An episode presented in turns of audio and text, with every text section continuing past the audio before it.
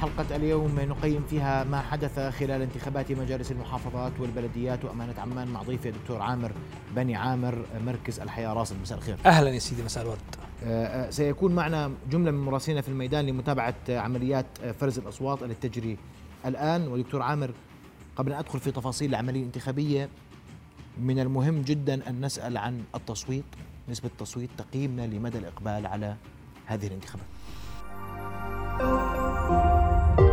رؤيا بودكاست. يعني حتى آه، نكون منصفين مع هذه الانتخابات آه، بأنها يعني آه، حطمت رقما غير متوقع في الإقبال على العملية الانتخابية، حقيقه كل القراءات كانت تتحدث عن يعني إحجام عن المشاركة في العملية الانتخابية، لكن دعني أن أفصل يعني مستويين من الأرقام، المستوى الأول من الأرقام نتحدث عن كتلة ناخبة آه، فاعلة. نتحدث عن 4.6 بالعشرة مليون ناخب مسجل في هذه الانتخابات. ولكن هؤلاء هم الأردنيين الذين يسجلون بوضع طبيعي دون أن يذهبوا لعملية تسجيل. فكل أردني عمره 17 سنة وتقريبا تسع شهور أو ثمان شهور هو مسجل في هذه الانتخابات بحكم الطبيعة بوجوده. اليوم لدينا مليون وتقريبا 56 ألف ناخب أردني مقيمين خارج حدود المملكة الأردنية الهاشمية لا يمارسون حقهم بالتصويت مع أنهم مسجلين في هذه القوائم لدينا أيضا من 200 ل 250 ألف من القوات المسلحة من المسجلين ومن الأجهزة الأمنية مسجلين في هذه الانتخابات أيضا وهذا يحق لهم الإدارة الانتخابات المحلية تصويت وجمد حقهم في التصويت بناء على توجيه قيادات الأمنية والعسكرية حتى يعني إلى إشعار معين. أيضا لدينا 65 إلى 70 ألف من العاملين الهيئة المستقلة لا يستطيعون ممارسة عملهم. فنتحدث حقيقة عن 3.2 إلى 3.3 بالعشرة مليون كتلة ناخبة فعلية حقيقية هي التي تملك الحق وتملك أيضا القدرة على الذهاب إلى صندوق الاقتراع في هذا اليوم. عندما نتحدث عن مليون و363 ألف ناخب آه، شاركوا إذا أردنا أن نذهب إلى النسبة من الكتلة الفاعلة نتحدث عن 42% نسبة من الكتلة الفاعلة. صحيح أن النسبة تقريبا هي راح تكون 30% اليوم لكن هي النسبة الفا هي النسبة آه، إذا ما أخذتها من الثلاث ثلاثة بالعشرة فعليا اللي هم موجودين اللي بيقدروا يوصلوا لصندوق الاقتراع واللي هم فعليا يعني متاح الفرصة أمامهم الذهاب صندوق الاقتراع. نتحدث عن حوالي 42% في في هذا في هذا الموضوع. وإذا ما أردنا الذهاب إلى تفاصيل أكثر دقة يعني أستطيع القول وبالأرقام بأن هذه الانتخابات هي الأعلى في عدد الناخبين خلال العشرين عام الماضية في آه، آه، الإدارة المحلية. يعني 2007 كان عندنا 868 ألف ناخب. بال 2013 كان عندنا 919 ألف ناخب. بال 2017 كان عندنا واحد وثلاثة بالعشرة مليون ناخب. واليوم بنحكي بال 2022 ب واحد وثلاثة وواحد وثلاثمية وثلاثة وستين ألف آه، ناخب. فهذا المنحنى بتزايده حقيقة.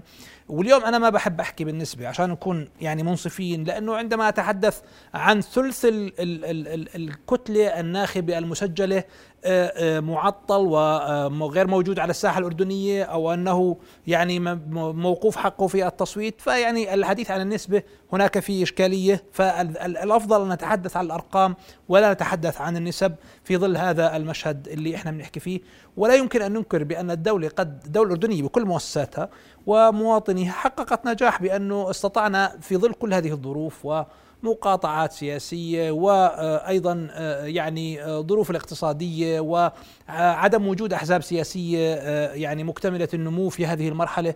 أن نحقق هذا الرقم. عندما أتحدث عن 55 حزب سياسي في منهم 22 حزب لم يستطع أن يقدم مرشح لعضوية البلدية فأحزاب غائبة في المشهد السياسي. طيب. قطاع خاص كان مداوم اليوم أيضا يعني وهذا أيضا أضيف إلى ما أضيف له يعني من سابقاته في كثير من القطاع الخاص يعني لم يعطل موظفين وبالتالي بعض موظفين حرموا. لم يتم تمديد الاقتراع أيضا آه، آه، في كما هو جرت العادة. يعني في كل هذه الظروف وصلنا إلى هذا الرقم باعتقادي. أنت مع ولا ضد عدم التمديد؟ آه هذا سؤال آه يعني أنت بدك أجاوبك إنه أنا مع التمديد لأني أنا مع نسبة التصويت آه إنها تزيد. لكن أنا بدي أجاوبك إنه من ناحية العدالة الانتخابية وأنا أقدر الهيئة المستقلة عدم التمديد بهذه الانتخابات بالرغم إنه الهيئة المستقلة وكل مؤسسات الدولة ترغب بزيادة النسبة وأنا آه يعني أتمنى أنها تكون النسبة أعلى دائما ولكن إذا ما ذهبنا إلى الإطار الدستوري والممارسات الفعلية والممارسات الفضلى فإن التمديد دائما ما يثير لغطا في العملية الانتخابية لأنه لا يمكن أن يحقق عدالة. أنت تمدد في منطقة انتخابية ولا تمدد في منطقة أخرى وهذا يسبب إشكالية. أنا باعتقادي عدم التمديد كان قرار حكيم وأنا أؤيد عدم التمديد. وهذا القرار للعلم هو منصوص في مقترح القانون الذي يعني أتت به اللجنة الملكية لتحديث المنظومة السياسية. هناك نص في القانون آه، الانتخاب بأنه لا يجوز تمديد العملية الانتخابيه أنا باعتقاد الهيئة المستقلة بدأت بتطبيق ما جاء آه، يعني آه، بتوصيات اللجنة الملكية وبمقترح القانون اللي جاء في توصيات اللجنة الملكية في هذا الشأن. جميل. إحنا متابع صور مباشرة من المفرق. سأنتقل لمراسلنا أسامة بليبلي الموجود في محافظة آه، البلقاء وبدأت عمليات الفرز فعليا في البلقاء آه، وأيضا معنا رامي العيسى من العاصمة عمان آه، أبدأ معك أسامة. أسامة مساء الخير. الأجواء لديك كيف تسير عملية فرز الأصوات في البلقاء؟ مساء الخير لك محمد ولضيفك الكريم. يعني نتحدث عن هذه الساعات التي بدأت بها عملية فرز الأصوات في مراكز الاقتراع في محافظة البلقاء. يعني نتحدث عن عملية روتينية تقوم بها المراكز بعد انتهاء العملية الإدلاء بالأصوات. يمكن أن نتحدث بأن الانتخابات لهذه الدورة من انتخابات البلديات لم تكن ضمن المتوقع في محافظة البلقاء عند زيارتنا لعدد من المناطق منها فحيص وماحص وعين الباشا بالإضافة إلى مدينة السلطة التي نتواجد في هذه الأثناء فيها. يعني كان هنالك عملية إدلاب الأصوات أرقام غير مبشرة لعملية استحقاق دستوري تم النص عليه. يعني هنالك حديث أيضا بأن عندما نتحدث عن نسبة تجاوزت أو أو قاربت 18% ليست بالمستوى المطلوب وتحديدا في مدينة السلطة التي لطالما شهدت منافسات قوية وانتخابات قوية في الدورات السابقة. هنالك امتعاض من المواطنين آه، فيما يتعلق بعملية عدم التمديد. بصراحة كان هنالك عدد من المواطنين الذين أشاروا إلى أنه يجب تمديد فترة الانتخابات حتى يتمكن من هم آه، خارج المدينة من الوصول إليها وعملية الإدلاء بصوتهم علما بأن آه، العطلة الرسمية لم تشمل كافة القطاعات الخاصة وكانت تلك يعني تعتبر إحدى الأسباب التي أدت إلى هبوط أعداد أو نسب المصوتين في هذه العملية الانتخابية. يمكن أن نتحدث أيضا بشكل عام عن العملية الانتخابية منذ ساعات الصباح الباكر وعند انطلاقها. آه، منذ الساعة السابعة شاهدنا هنالك عمليات دعاية انتخابية أمام المقار الانتخابية وهو أمر يعني يعتبر مخالط أو آه، منافي للقواعد الانتخابية لكن كان هنالك تواجد أمام المقرات الانتخابية للتأثير على عدد من الناخبين الذين توجهوا إلى المقار بالإضافة إلى أن هنالك كانت فئة كبيرة من الأطفال الذي تتواجد أمام المقر أيضا في عملية الدعاية الانتخابية وهذا يعتبر أيضا آه، منافي للقوانين. أشكرك يمكن أن نتحدث بما يتعلق في أدوية أشكرك نعم. أسامة سأعود لك لاحقا. أنتقل مباشرة إلى رامي العيسى من الموقر. آه، رامي ما الأجواء لديك؟ كيف تسير عمليات الفرز؟ وهل من آه، ملاحظات؟ وردتك حتى اللحظة. أهلا بك محمد وبالدكتور عامر بني عامر وبكافة المشاهدين. نتواجد الآن في منطقة الهاشمية التابعة للواء الموقر. اليوم كان يوم انتخابي طويل جدا من الساعة السابعة صباحا حتى هذه اللحظة. جولتي بدأت في منطقة جبل عمان في الدائرة الثامنة التابعة لأمانة عمان الكبرى. كانت نسبة الإقبال ضعيفة صباحا في أمانة عمان. ولكن هنا في الموقر إذا ما قارنا بين المنطقتين فمنطقة الموقر كانت نسبة الإقبال فيها أفضل أفضل من آه، منطقة آه، جبل عمان وتحديدا دائرة آه، زهران. نسبة الاقتراع في الموقر وصلت 59.7% وهي النسب الأولية التي وصلتنا نحن في الميدان. التقيت بالعديد من المواطنين الذين أشادوا بدور الأجهزة الأمنية بتوفير الحماية وبتوفير الطرق السلسة للإدلاء بالأصوات وبتوجيههم إلى مراكز الاقتراع. وأشادوا المواطنين أيضا بدور الهيئة المستقلة للانتخاب بسهولة عملية التصويت وغيرها. بالفعل محمد لمست أن هنالك رضا كبير جدا من أهالي أبناء لواء الموقر سواء في منطقة مغاير المهنا الحاتمية آه، الذهيبة الغربية الهاشمية بعدم تمديد ساعات الاقتراح. وجدت أن هذا الأمر لاقى إقبالا كبيرا من المواطنين في هذه المنطقة على الرغم من أن نسبة الاقتراح في الموقر وصلت 79 59 آسف فاصلة 7% تقريبا آه، إلا أنها تعتبر آه، نسبة بسيطة مقارنة بالانتخابات واللامركزية التي كانت في آه، السنوات آه، السابقة. نعم. المواطنون آه، ومعظم أصحاب المحال التجارية في منطقة لواء الموقر لم يذهبوا للإدلاء بأصواتهم على الرغم من وصولها إلى 59.7 محمد. أشكرك كل الشكر رامي العيسى. سنبقى بصور مباشرة من قاعات الفرز لهذه الانتخابات. وأعود لك دكتور عامر. والسؤال دائما عن المخالفات. نعم. كم كان حجم المخالفات؟ في هذه الانتخابات اليوم؟ يعني أنا يمكن أن أتحدث عن حجم المخالفات لغاية آه، الساعة آه، السابعة لأن فريق آه، راصد يعني ما زال يقوم بجمع وتنقيح والمخالفات وصلنا إلى ما يقارب 300 مخالفة وملاحظة انتخابية حتى الساعة السابعة. 300 مخالفة. 300 مخالفة نعم. آه، وهذا الرقم قابل للزيادة لأننا يعني ما زال هناك بعض الملاحظات تردنا. آه، باعتقادي آه، سيزيد هذا الرقم. ولكن يمكن أن أجزم بأن هناك يعني وصلنا إلى 300 مخالفة مع إقفال الصناديق وهذه المخالفات موزعة يعني بمستويات مختلفة.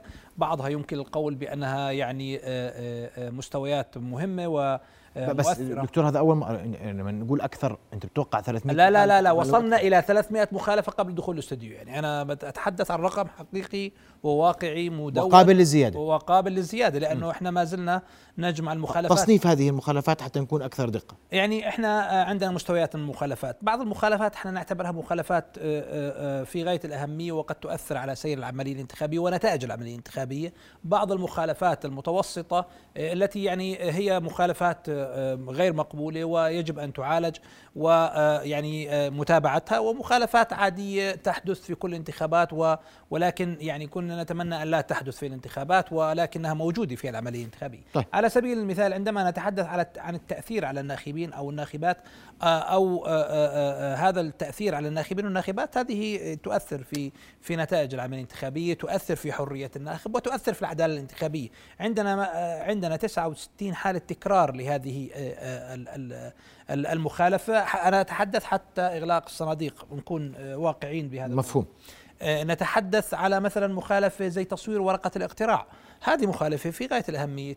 هذه المخالفة آه، يعني في النهاية هي لن تغير في نتيجة العملية الانتخابية لأنه اللي صوت صوت ولكنها تمس في سرية العملية الانتخابية وتكون بابا آه، لاما عمليات شراء الأصوات أو التأثير على حرية الناخب بأنه هو صوت مع الإجماع الذي يضغط عليه سواء إجماع لأنه لن تصور أنت ورقة الاقتراع إلا في حدا بيستنى برا. يا بك تثبت لقرايبك أنك أنت صوتت معهم وأنا باعتقادي هذا يمس بحرية العملية الانتخابية وحرية التصويت.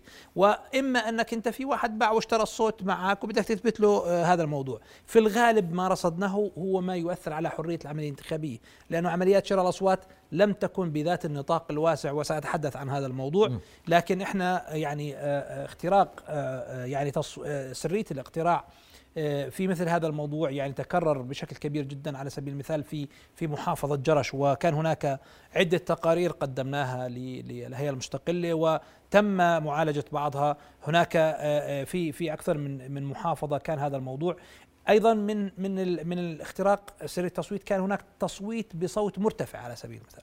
نتحدث عن عن تقريبا 30 حالة من التصويت بصوت مرتفع أو التصويت الأمي. الآن أنا أحكي 30 حالة هذه من التي رصدناها. هناك حالات أكثر بكثير بموضوع التصويت الأمي.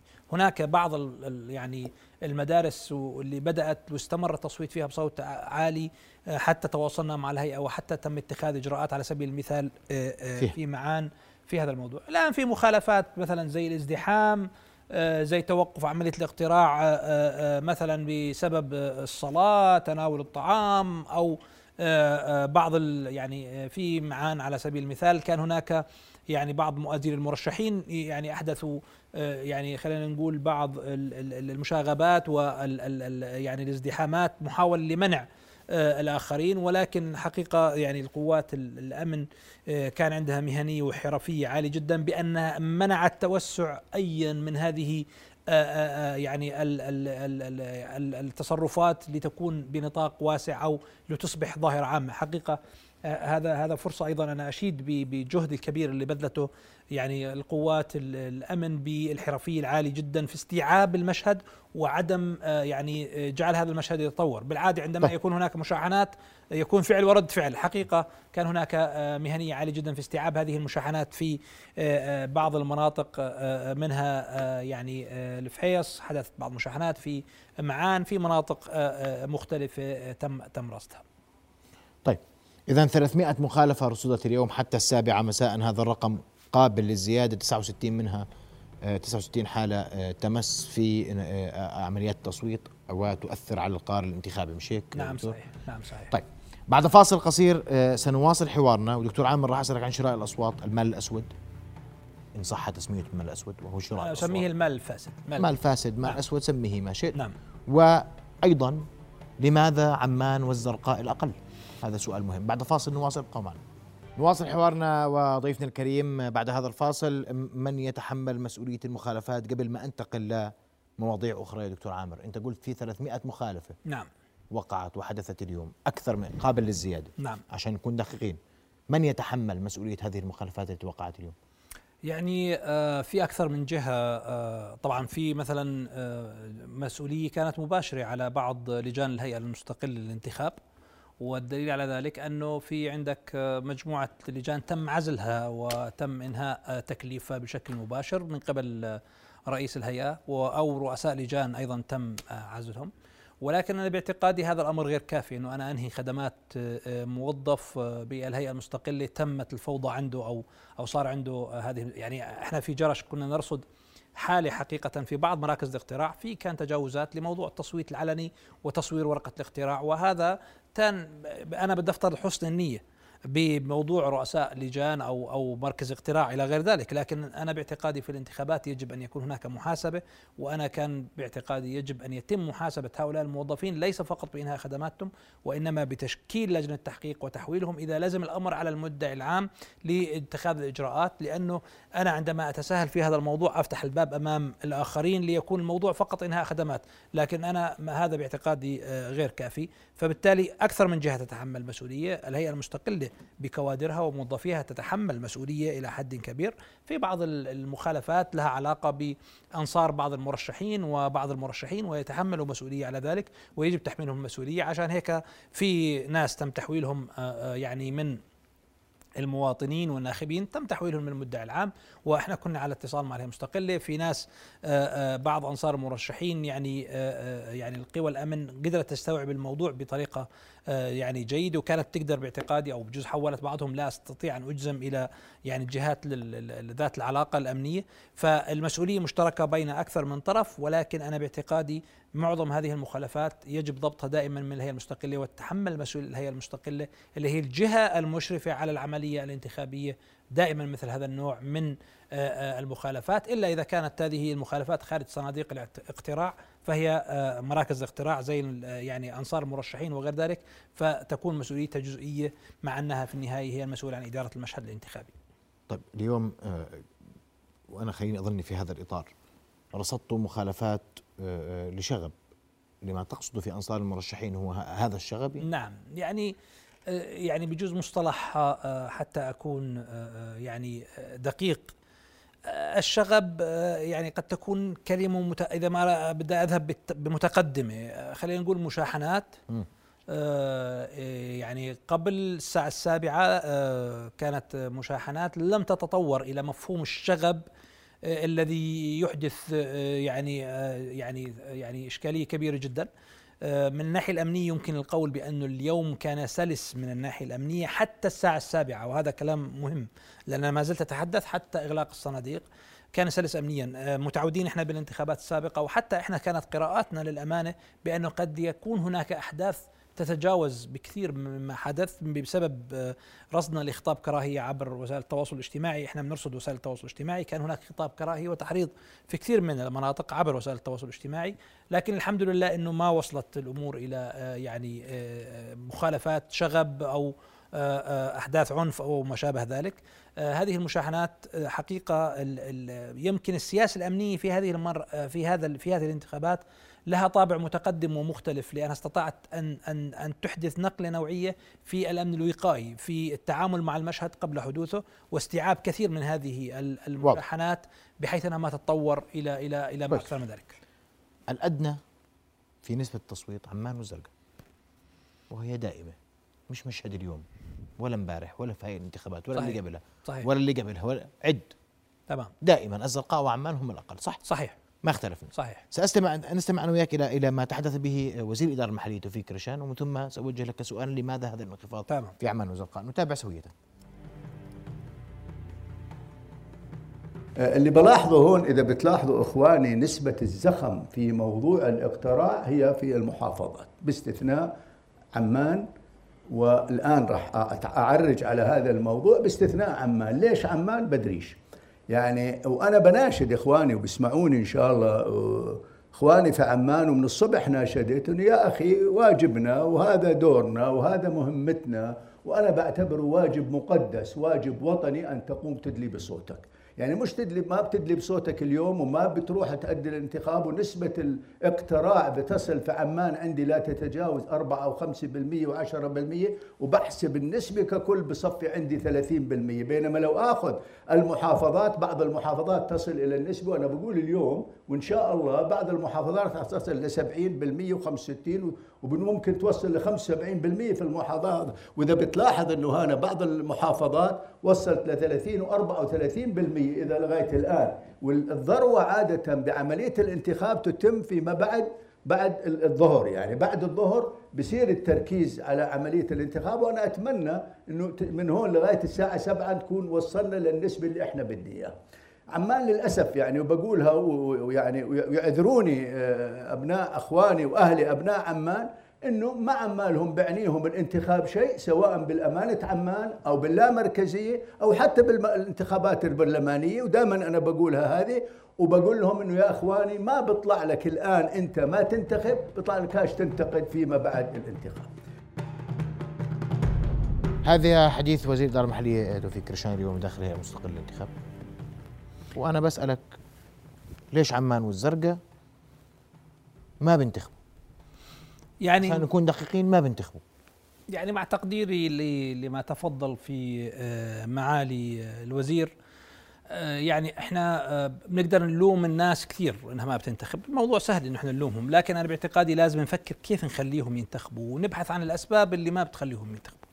يعني آه، الانتخابات هي مش بس موضوع خدمات الانتخابات فيها إطار سياسي الانتخابات فيها إطار مواطنة الانتخابات فيها إطار عدالة في عوامل يعني كثيرة جدا ممكن نخوض فيها في موضوع الانتخابات. أمانة عمان على سبيل المثال آه، في كثير من العناصر آه، يعني لو لو كان في بامانه عمان أمين لعمان يتم انتخابه أو رئيس بلدية أنا باعتقادي يعني سيكون عنصر آه، آه، جاذب لكثير من الفعاليات والتيارات السياسية لتخوض معركة سياسية كبيرة جدا للذهاب في هذا الموضوع. في كثير عوامل مرتبطة في في العملية الانتخابية، الانتخابات مش بس إنه أنا أفتح شارع وفي مناطق كثير بالأردن. رئيس البلدية اللي مش راح ينجح في هذه الانتخابات كان أداؤه كثير كويس، وفي رؤساء بلديات كان ادائهم مش منيح راح يرجعوا مرة ثانية، مما يدل على إنه القضية مش بس إنك فتحت شارع ولا عملت لمبة أو أو عملت مطب أو أو إلى غير ذلك. آه، في فكر سياسي وفي إطار سياسي في الانتخابات يجب أن نأخذ بعين الاعتبار ويجب أن نبحث دائما عن الأسباب اللي اللي اللي ممكن تخلي المواطن آه، يذهب باتجاه عملية التصويت. آه، القطاع الخاص على سبيل المثال اليوم في عمان معظمه كان مداوم. ما سألنا أنفسنا أنه هذا القطاع الخاص ما سألنا أنه عمان والزرقاء هي بتعتمد على القطاع الخاص بشكل أساسي. يعني أنا بدي أعطيك رقم بسيط جدا. إحنا عندنا 250 ألف آه، يعملون في القطاع الصناعي. كويس. هي أرقام رسمية بحكي لك منهم. منهم 180 ألف أردني. اليوم كلهم كانوا مداومين. الآن بجوز في بعضهم راح للتصويت. بس أنا بجزم لك إنه في كثير منهم ما راح لأنه اللي بينهي دوامه الساعة 4 والساعة 5 وبده يروح يصوت وخاصة النساء نسبة النساء إذا بتشوف أنت أقل من نسبة الرجال. في عمان نسبة النساء خمسة إلى خمسة إلى ثمانية يعني خمسة في المية ثلاثة ثمانية بالمية كان رجال. اليوم لما السيدة بتنهي عملها الساعة خمسة مساء بتتروح تهتم في أولويات أخرى بسبب طبيعة الحياة وهذا شيء طبيعي جدا في في مجتمعاتنا. وبالتالي أنا باعتقادي هناك أسباب آه، يجب أن نبحثها.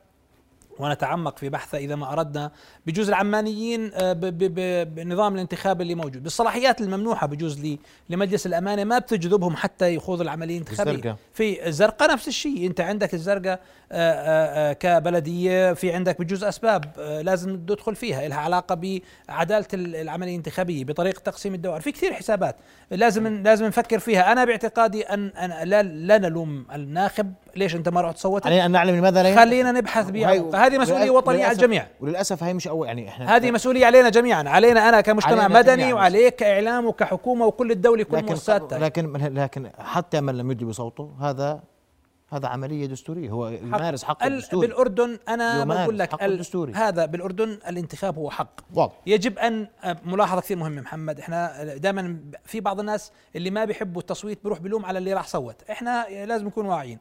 التصويت هو حق اللي راح مارس حقه هذا حقه واللي ما مارسه هو امتلك الحق إنه ما بده يمارسه فما حدا يلوم على الثاني. وللجميع حق النقد وإبداء الرأي ايا كان. نعم. هذا حق الدستور نعم. فقط للتوضيح. بعد فاصل سنواصل ابقوا معنا.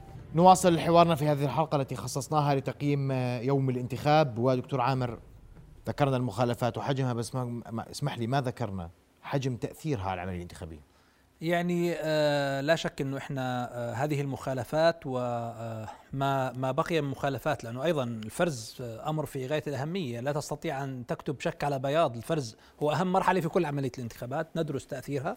لا شك إنه بعضها سيكون له تأثير على نتائج العملية الانتخابية.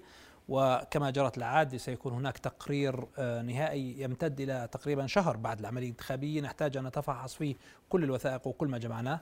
بعضها سيؤثر على نتائج العملية الانتخابية لا نعرف ولا نستطيع الحكم الآن على نتائج هذه العملية. سيكون هناك اعتراضات وسيكون هناك قضاء ومراحل متقدمة وبالتالي ما زال الحديث مبكر عن آه، تأثير هذه المخالفات على حجم العملية الانتخابية ومخرجات العملية الانتخابية. بس في هذا الصدد إذا سمحت لي محمد آه، يعني ومنتحدث عن المخالفات ونتحدث عن العمل آه، يعني أنا أريد أن أخص يعني جزئية بسيطة لرئيس الهيئة المستقلة الدكتور خالد الكلالدي. يعني بالرغم من كل العمل المشترك وبالرغم من كثير اختلفنا في كثير من المحطات لكن لا يمكن أن ننكر اليوم الدكتور خالد الكلالدي يغادر الهيئة المستقلة بأن الهيئة خلال ست سنوات وبعهد الدكتور خالد الكلالدي قد قدمت يعني من الناحية التقنية تقدمت بشكل نوعي وبأن الدكتور خالد الكلالدي يعني قد نفذ عملا نوعيا آه، يعني يمكن الإشادة به آه، وهذا أمر يعني مستحق آه، بالرغم من التنافسية واختلاف الرأي وبالرغم من كثير من المحطات التي يعني قد يكون غضب منا في تقاريرنا أو كانت تقاريرنا ليست منسجمة مع هذه التوجهات لكن لا يمكن أن ننكر أن هناك عمل نوعي أصبح موجود في في في عمل الهيئة وتقدمها. وهذا تنكر هذا واجبه سيدي ما هو موجود في الهيئة عشان يطورها وعشان يكبرها واجبه إحنا كل واحد يؤدي واجبه يعني. ونحن ونحن نؤدي واجبنا وأنت تؤدي واجبك. وهو ادى واجبه ويعطي العافية. لكن هذا لا يمنع يعني إنه إحنا برضه بالتأكيد. آه نقول. وبالتالي يعني أنا بدي أعطيك نقطتين اليوم الهيئة بتطبقهن وفيه نقطة استباقية. موضوع آلية الفرز إنه اليوم إحنا في عندنا شاشة متوفر وفي عندنا واللي محاضر. خالد قبل اللي أعلنها الدكتور خالد والمحاضر. هذا جاء في مخرجات اللجنة الملكية بقانون الانتخاب من مقترحات اللجنة الملكية. بس هذا تطوير مهم. هذا تطوير مهم جدا. وإحنا شفافيه ونوع من المصالحه نعم صحيح. وهذا في تقدم وإحنا اقترحناه في مخرجات اللجنة الملكية. وهي النظره استباقية. أيضا عدم التمديد والالتزام بإنه إحنا إحنا ساعتين. في نص بالقانون المقترح من اللجنة الملكية ألا لا تمديد في آه، العملية الانتخابية لتحقيق آه، فرصة عادلة للجميع. أنا حقيقة يمكن أن تقدر أن يكون هناك خطوات استباقية واستشرافية وهذا أمر يعني جيد في المجمل العام نتفق أو نختلف. في النهاية نحن نريد انتخابات تقدم نقل نوعي للأردن وأن يكون مخرجها مخرج آه، يعني مختلف ومخرج محترم. وهذا ما نتمناه في انتخاباتنا القادمة عندما يكون هناك دور فاعل للأحزاب وعندما يكون هناك تيارات سياسية تنقلنا من انتخابات عشائرية ومناطقية إلى انتخابات أكثر انتخابات آه، اليوم سياسية. كانت عشائرية ومناطقية صحيح؟ إلى حد كبير نعم. ما ما تغير شيء؟ إلى حد كبير نعم أستطيع أن أقول ذلك. تجده ايجابيا أم سلبيا اليوم؟ أجده طبيعيا في ظل غياب الأحزاب الفاعلة. يعني لا أستطيع أن ألوم آه، من ذهب إلى عشيرته ولا يوجد تيار سياسي يقوده. يعني أنا أريد هناك مرشح من أقاربي لأنه لا يوجد مرشح آه، يعني في تيار سياسي فوضع طبيعي جدا أنا أتسم فيه الخير فأذهب معه. طيب سؤال أخير لأنه وقتنا بيهمنا لكن موضوع مشاركة الإناث في هذه الانتخابات بعيدا عن القطاع الخاص. نعم. موضوع مشاركة الإناث في أكثر يعني إذا ما نظرنا إلى مثلا رئاسة البلدية في الأردن رئاسة البلدية يعني أنا أستطيع أن أساعد وأدعم وصول خمسين سيدة إلى البرلمان لكن ليس من السهل أن تكون هناك سيدة رئيسة البلدية هذا يعني موضوع رئاسة البلدية تاريخيا في الأردن مرتبط بموضوع القيادة على مستوى القيادة على مستوى المنطقة والزعامة على مستوى المنطقة والقيادة العشائرية والقيادة الجغرافية والديموغرافية. فهذا موضوع ليس من السهل أن تضحي قطاع من قطاعات المجتمع أن يقدم سيدة بأن تقود رئاسة البلدية. كثير موضوع مهم. إذا ما أردنا أن نرى سيدات فاعلات في العملية الانتخابية يجب أن يكون هناك عمل حزبي. دون العمل الحزبي لا يوجد شباب وسيدات في العملية السياسية ليس فقط في الإدارة المحلية أيضا في البرلمان. لأنه سيدي تريد أن تخوض انتخابات على سبيل المثال على مستوى بلدية إربد الكبرى. هناك حوالي 23 24 منطقة بدها كوادر بدها تمويل بدها عمل منظم. من أين سيأتي هذا العمل إذا لم يكن هناك حزب يدعم هذا العمل؟ نأمل أن يكون ذلك في, في الانتخابات البرلمانية المقبلة المفروض اللي هي على خارطة المشهد يعني السياسي. هناك يعني ست إلى سبع تيارات سياسية ناشئة نتمنى لها التوفيق وأن يكون هناك أمر. دكتور عامر بدي أشكرك كل الشكر على تشريفك الليلة رؤيا بودكاست.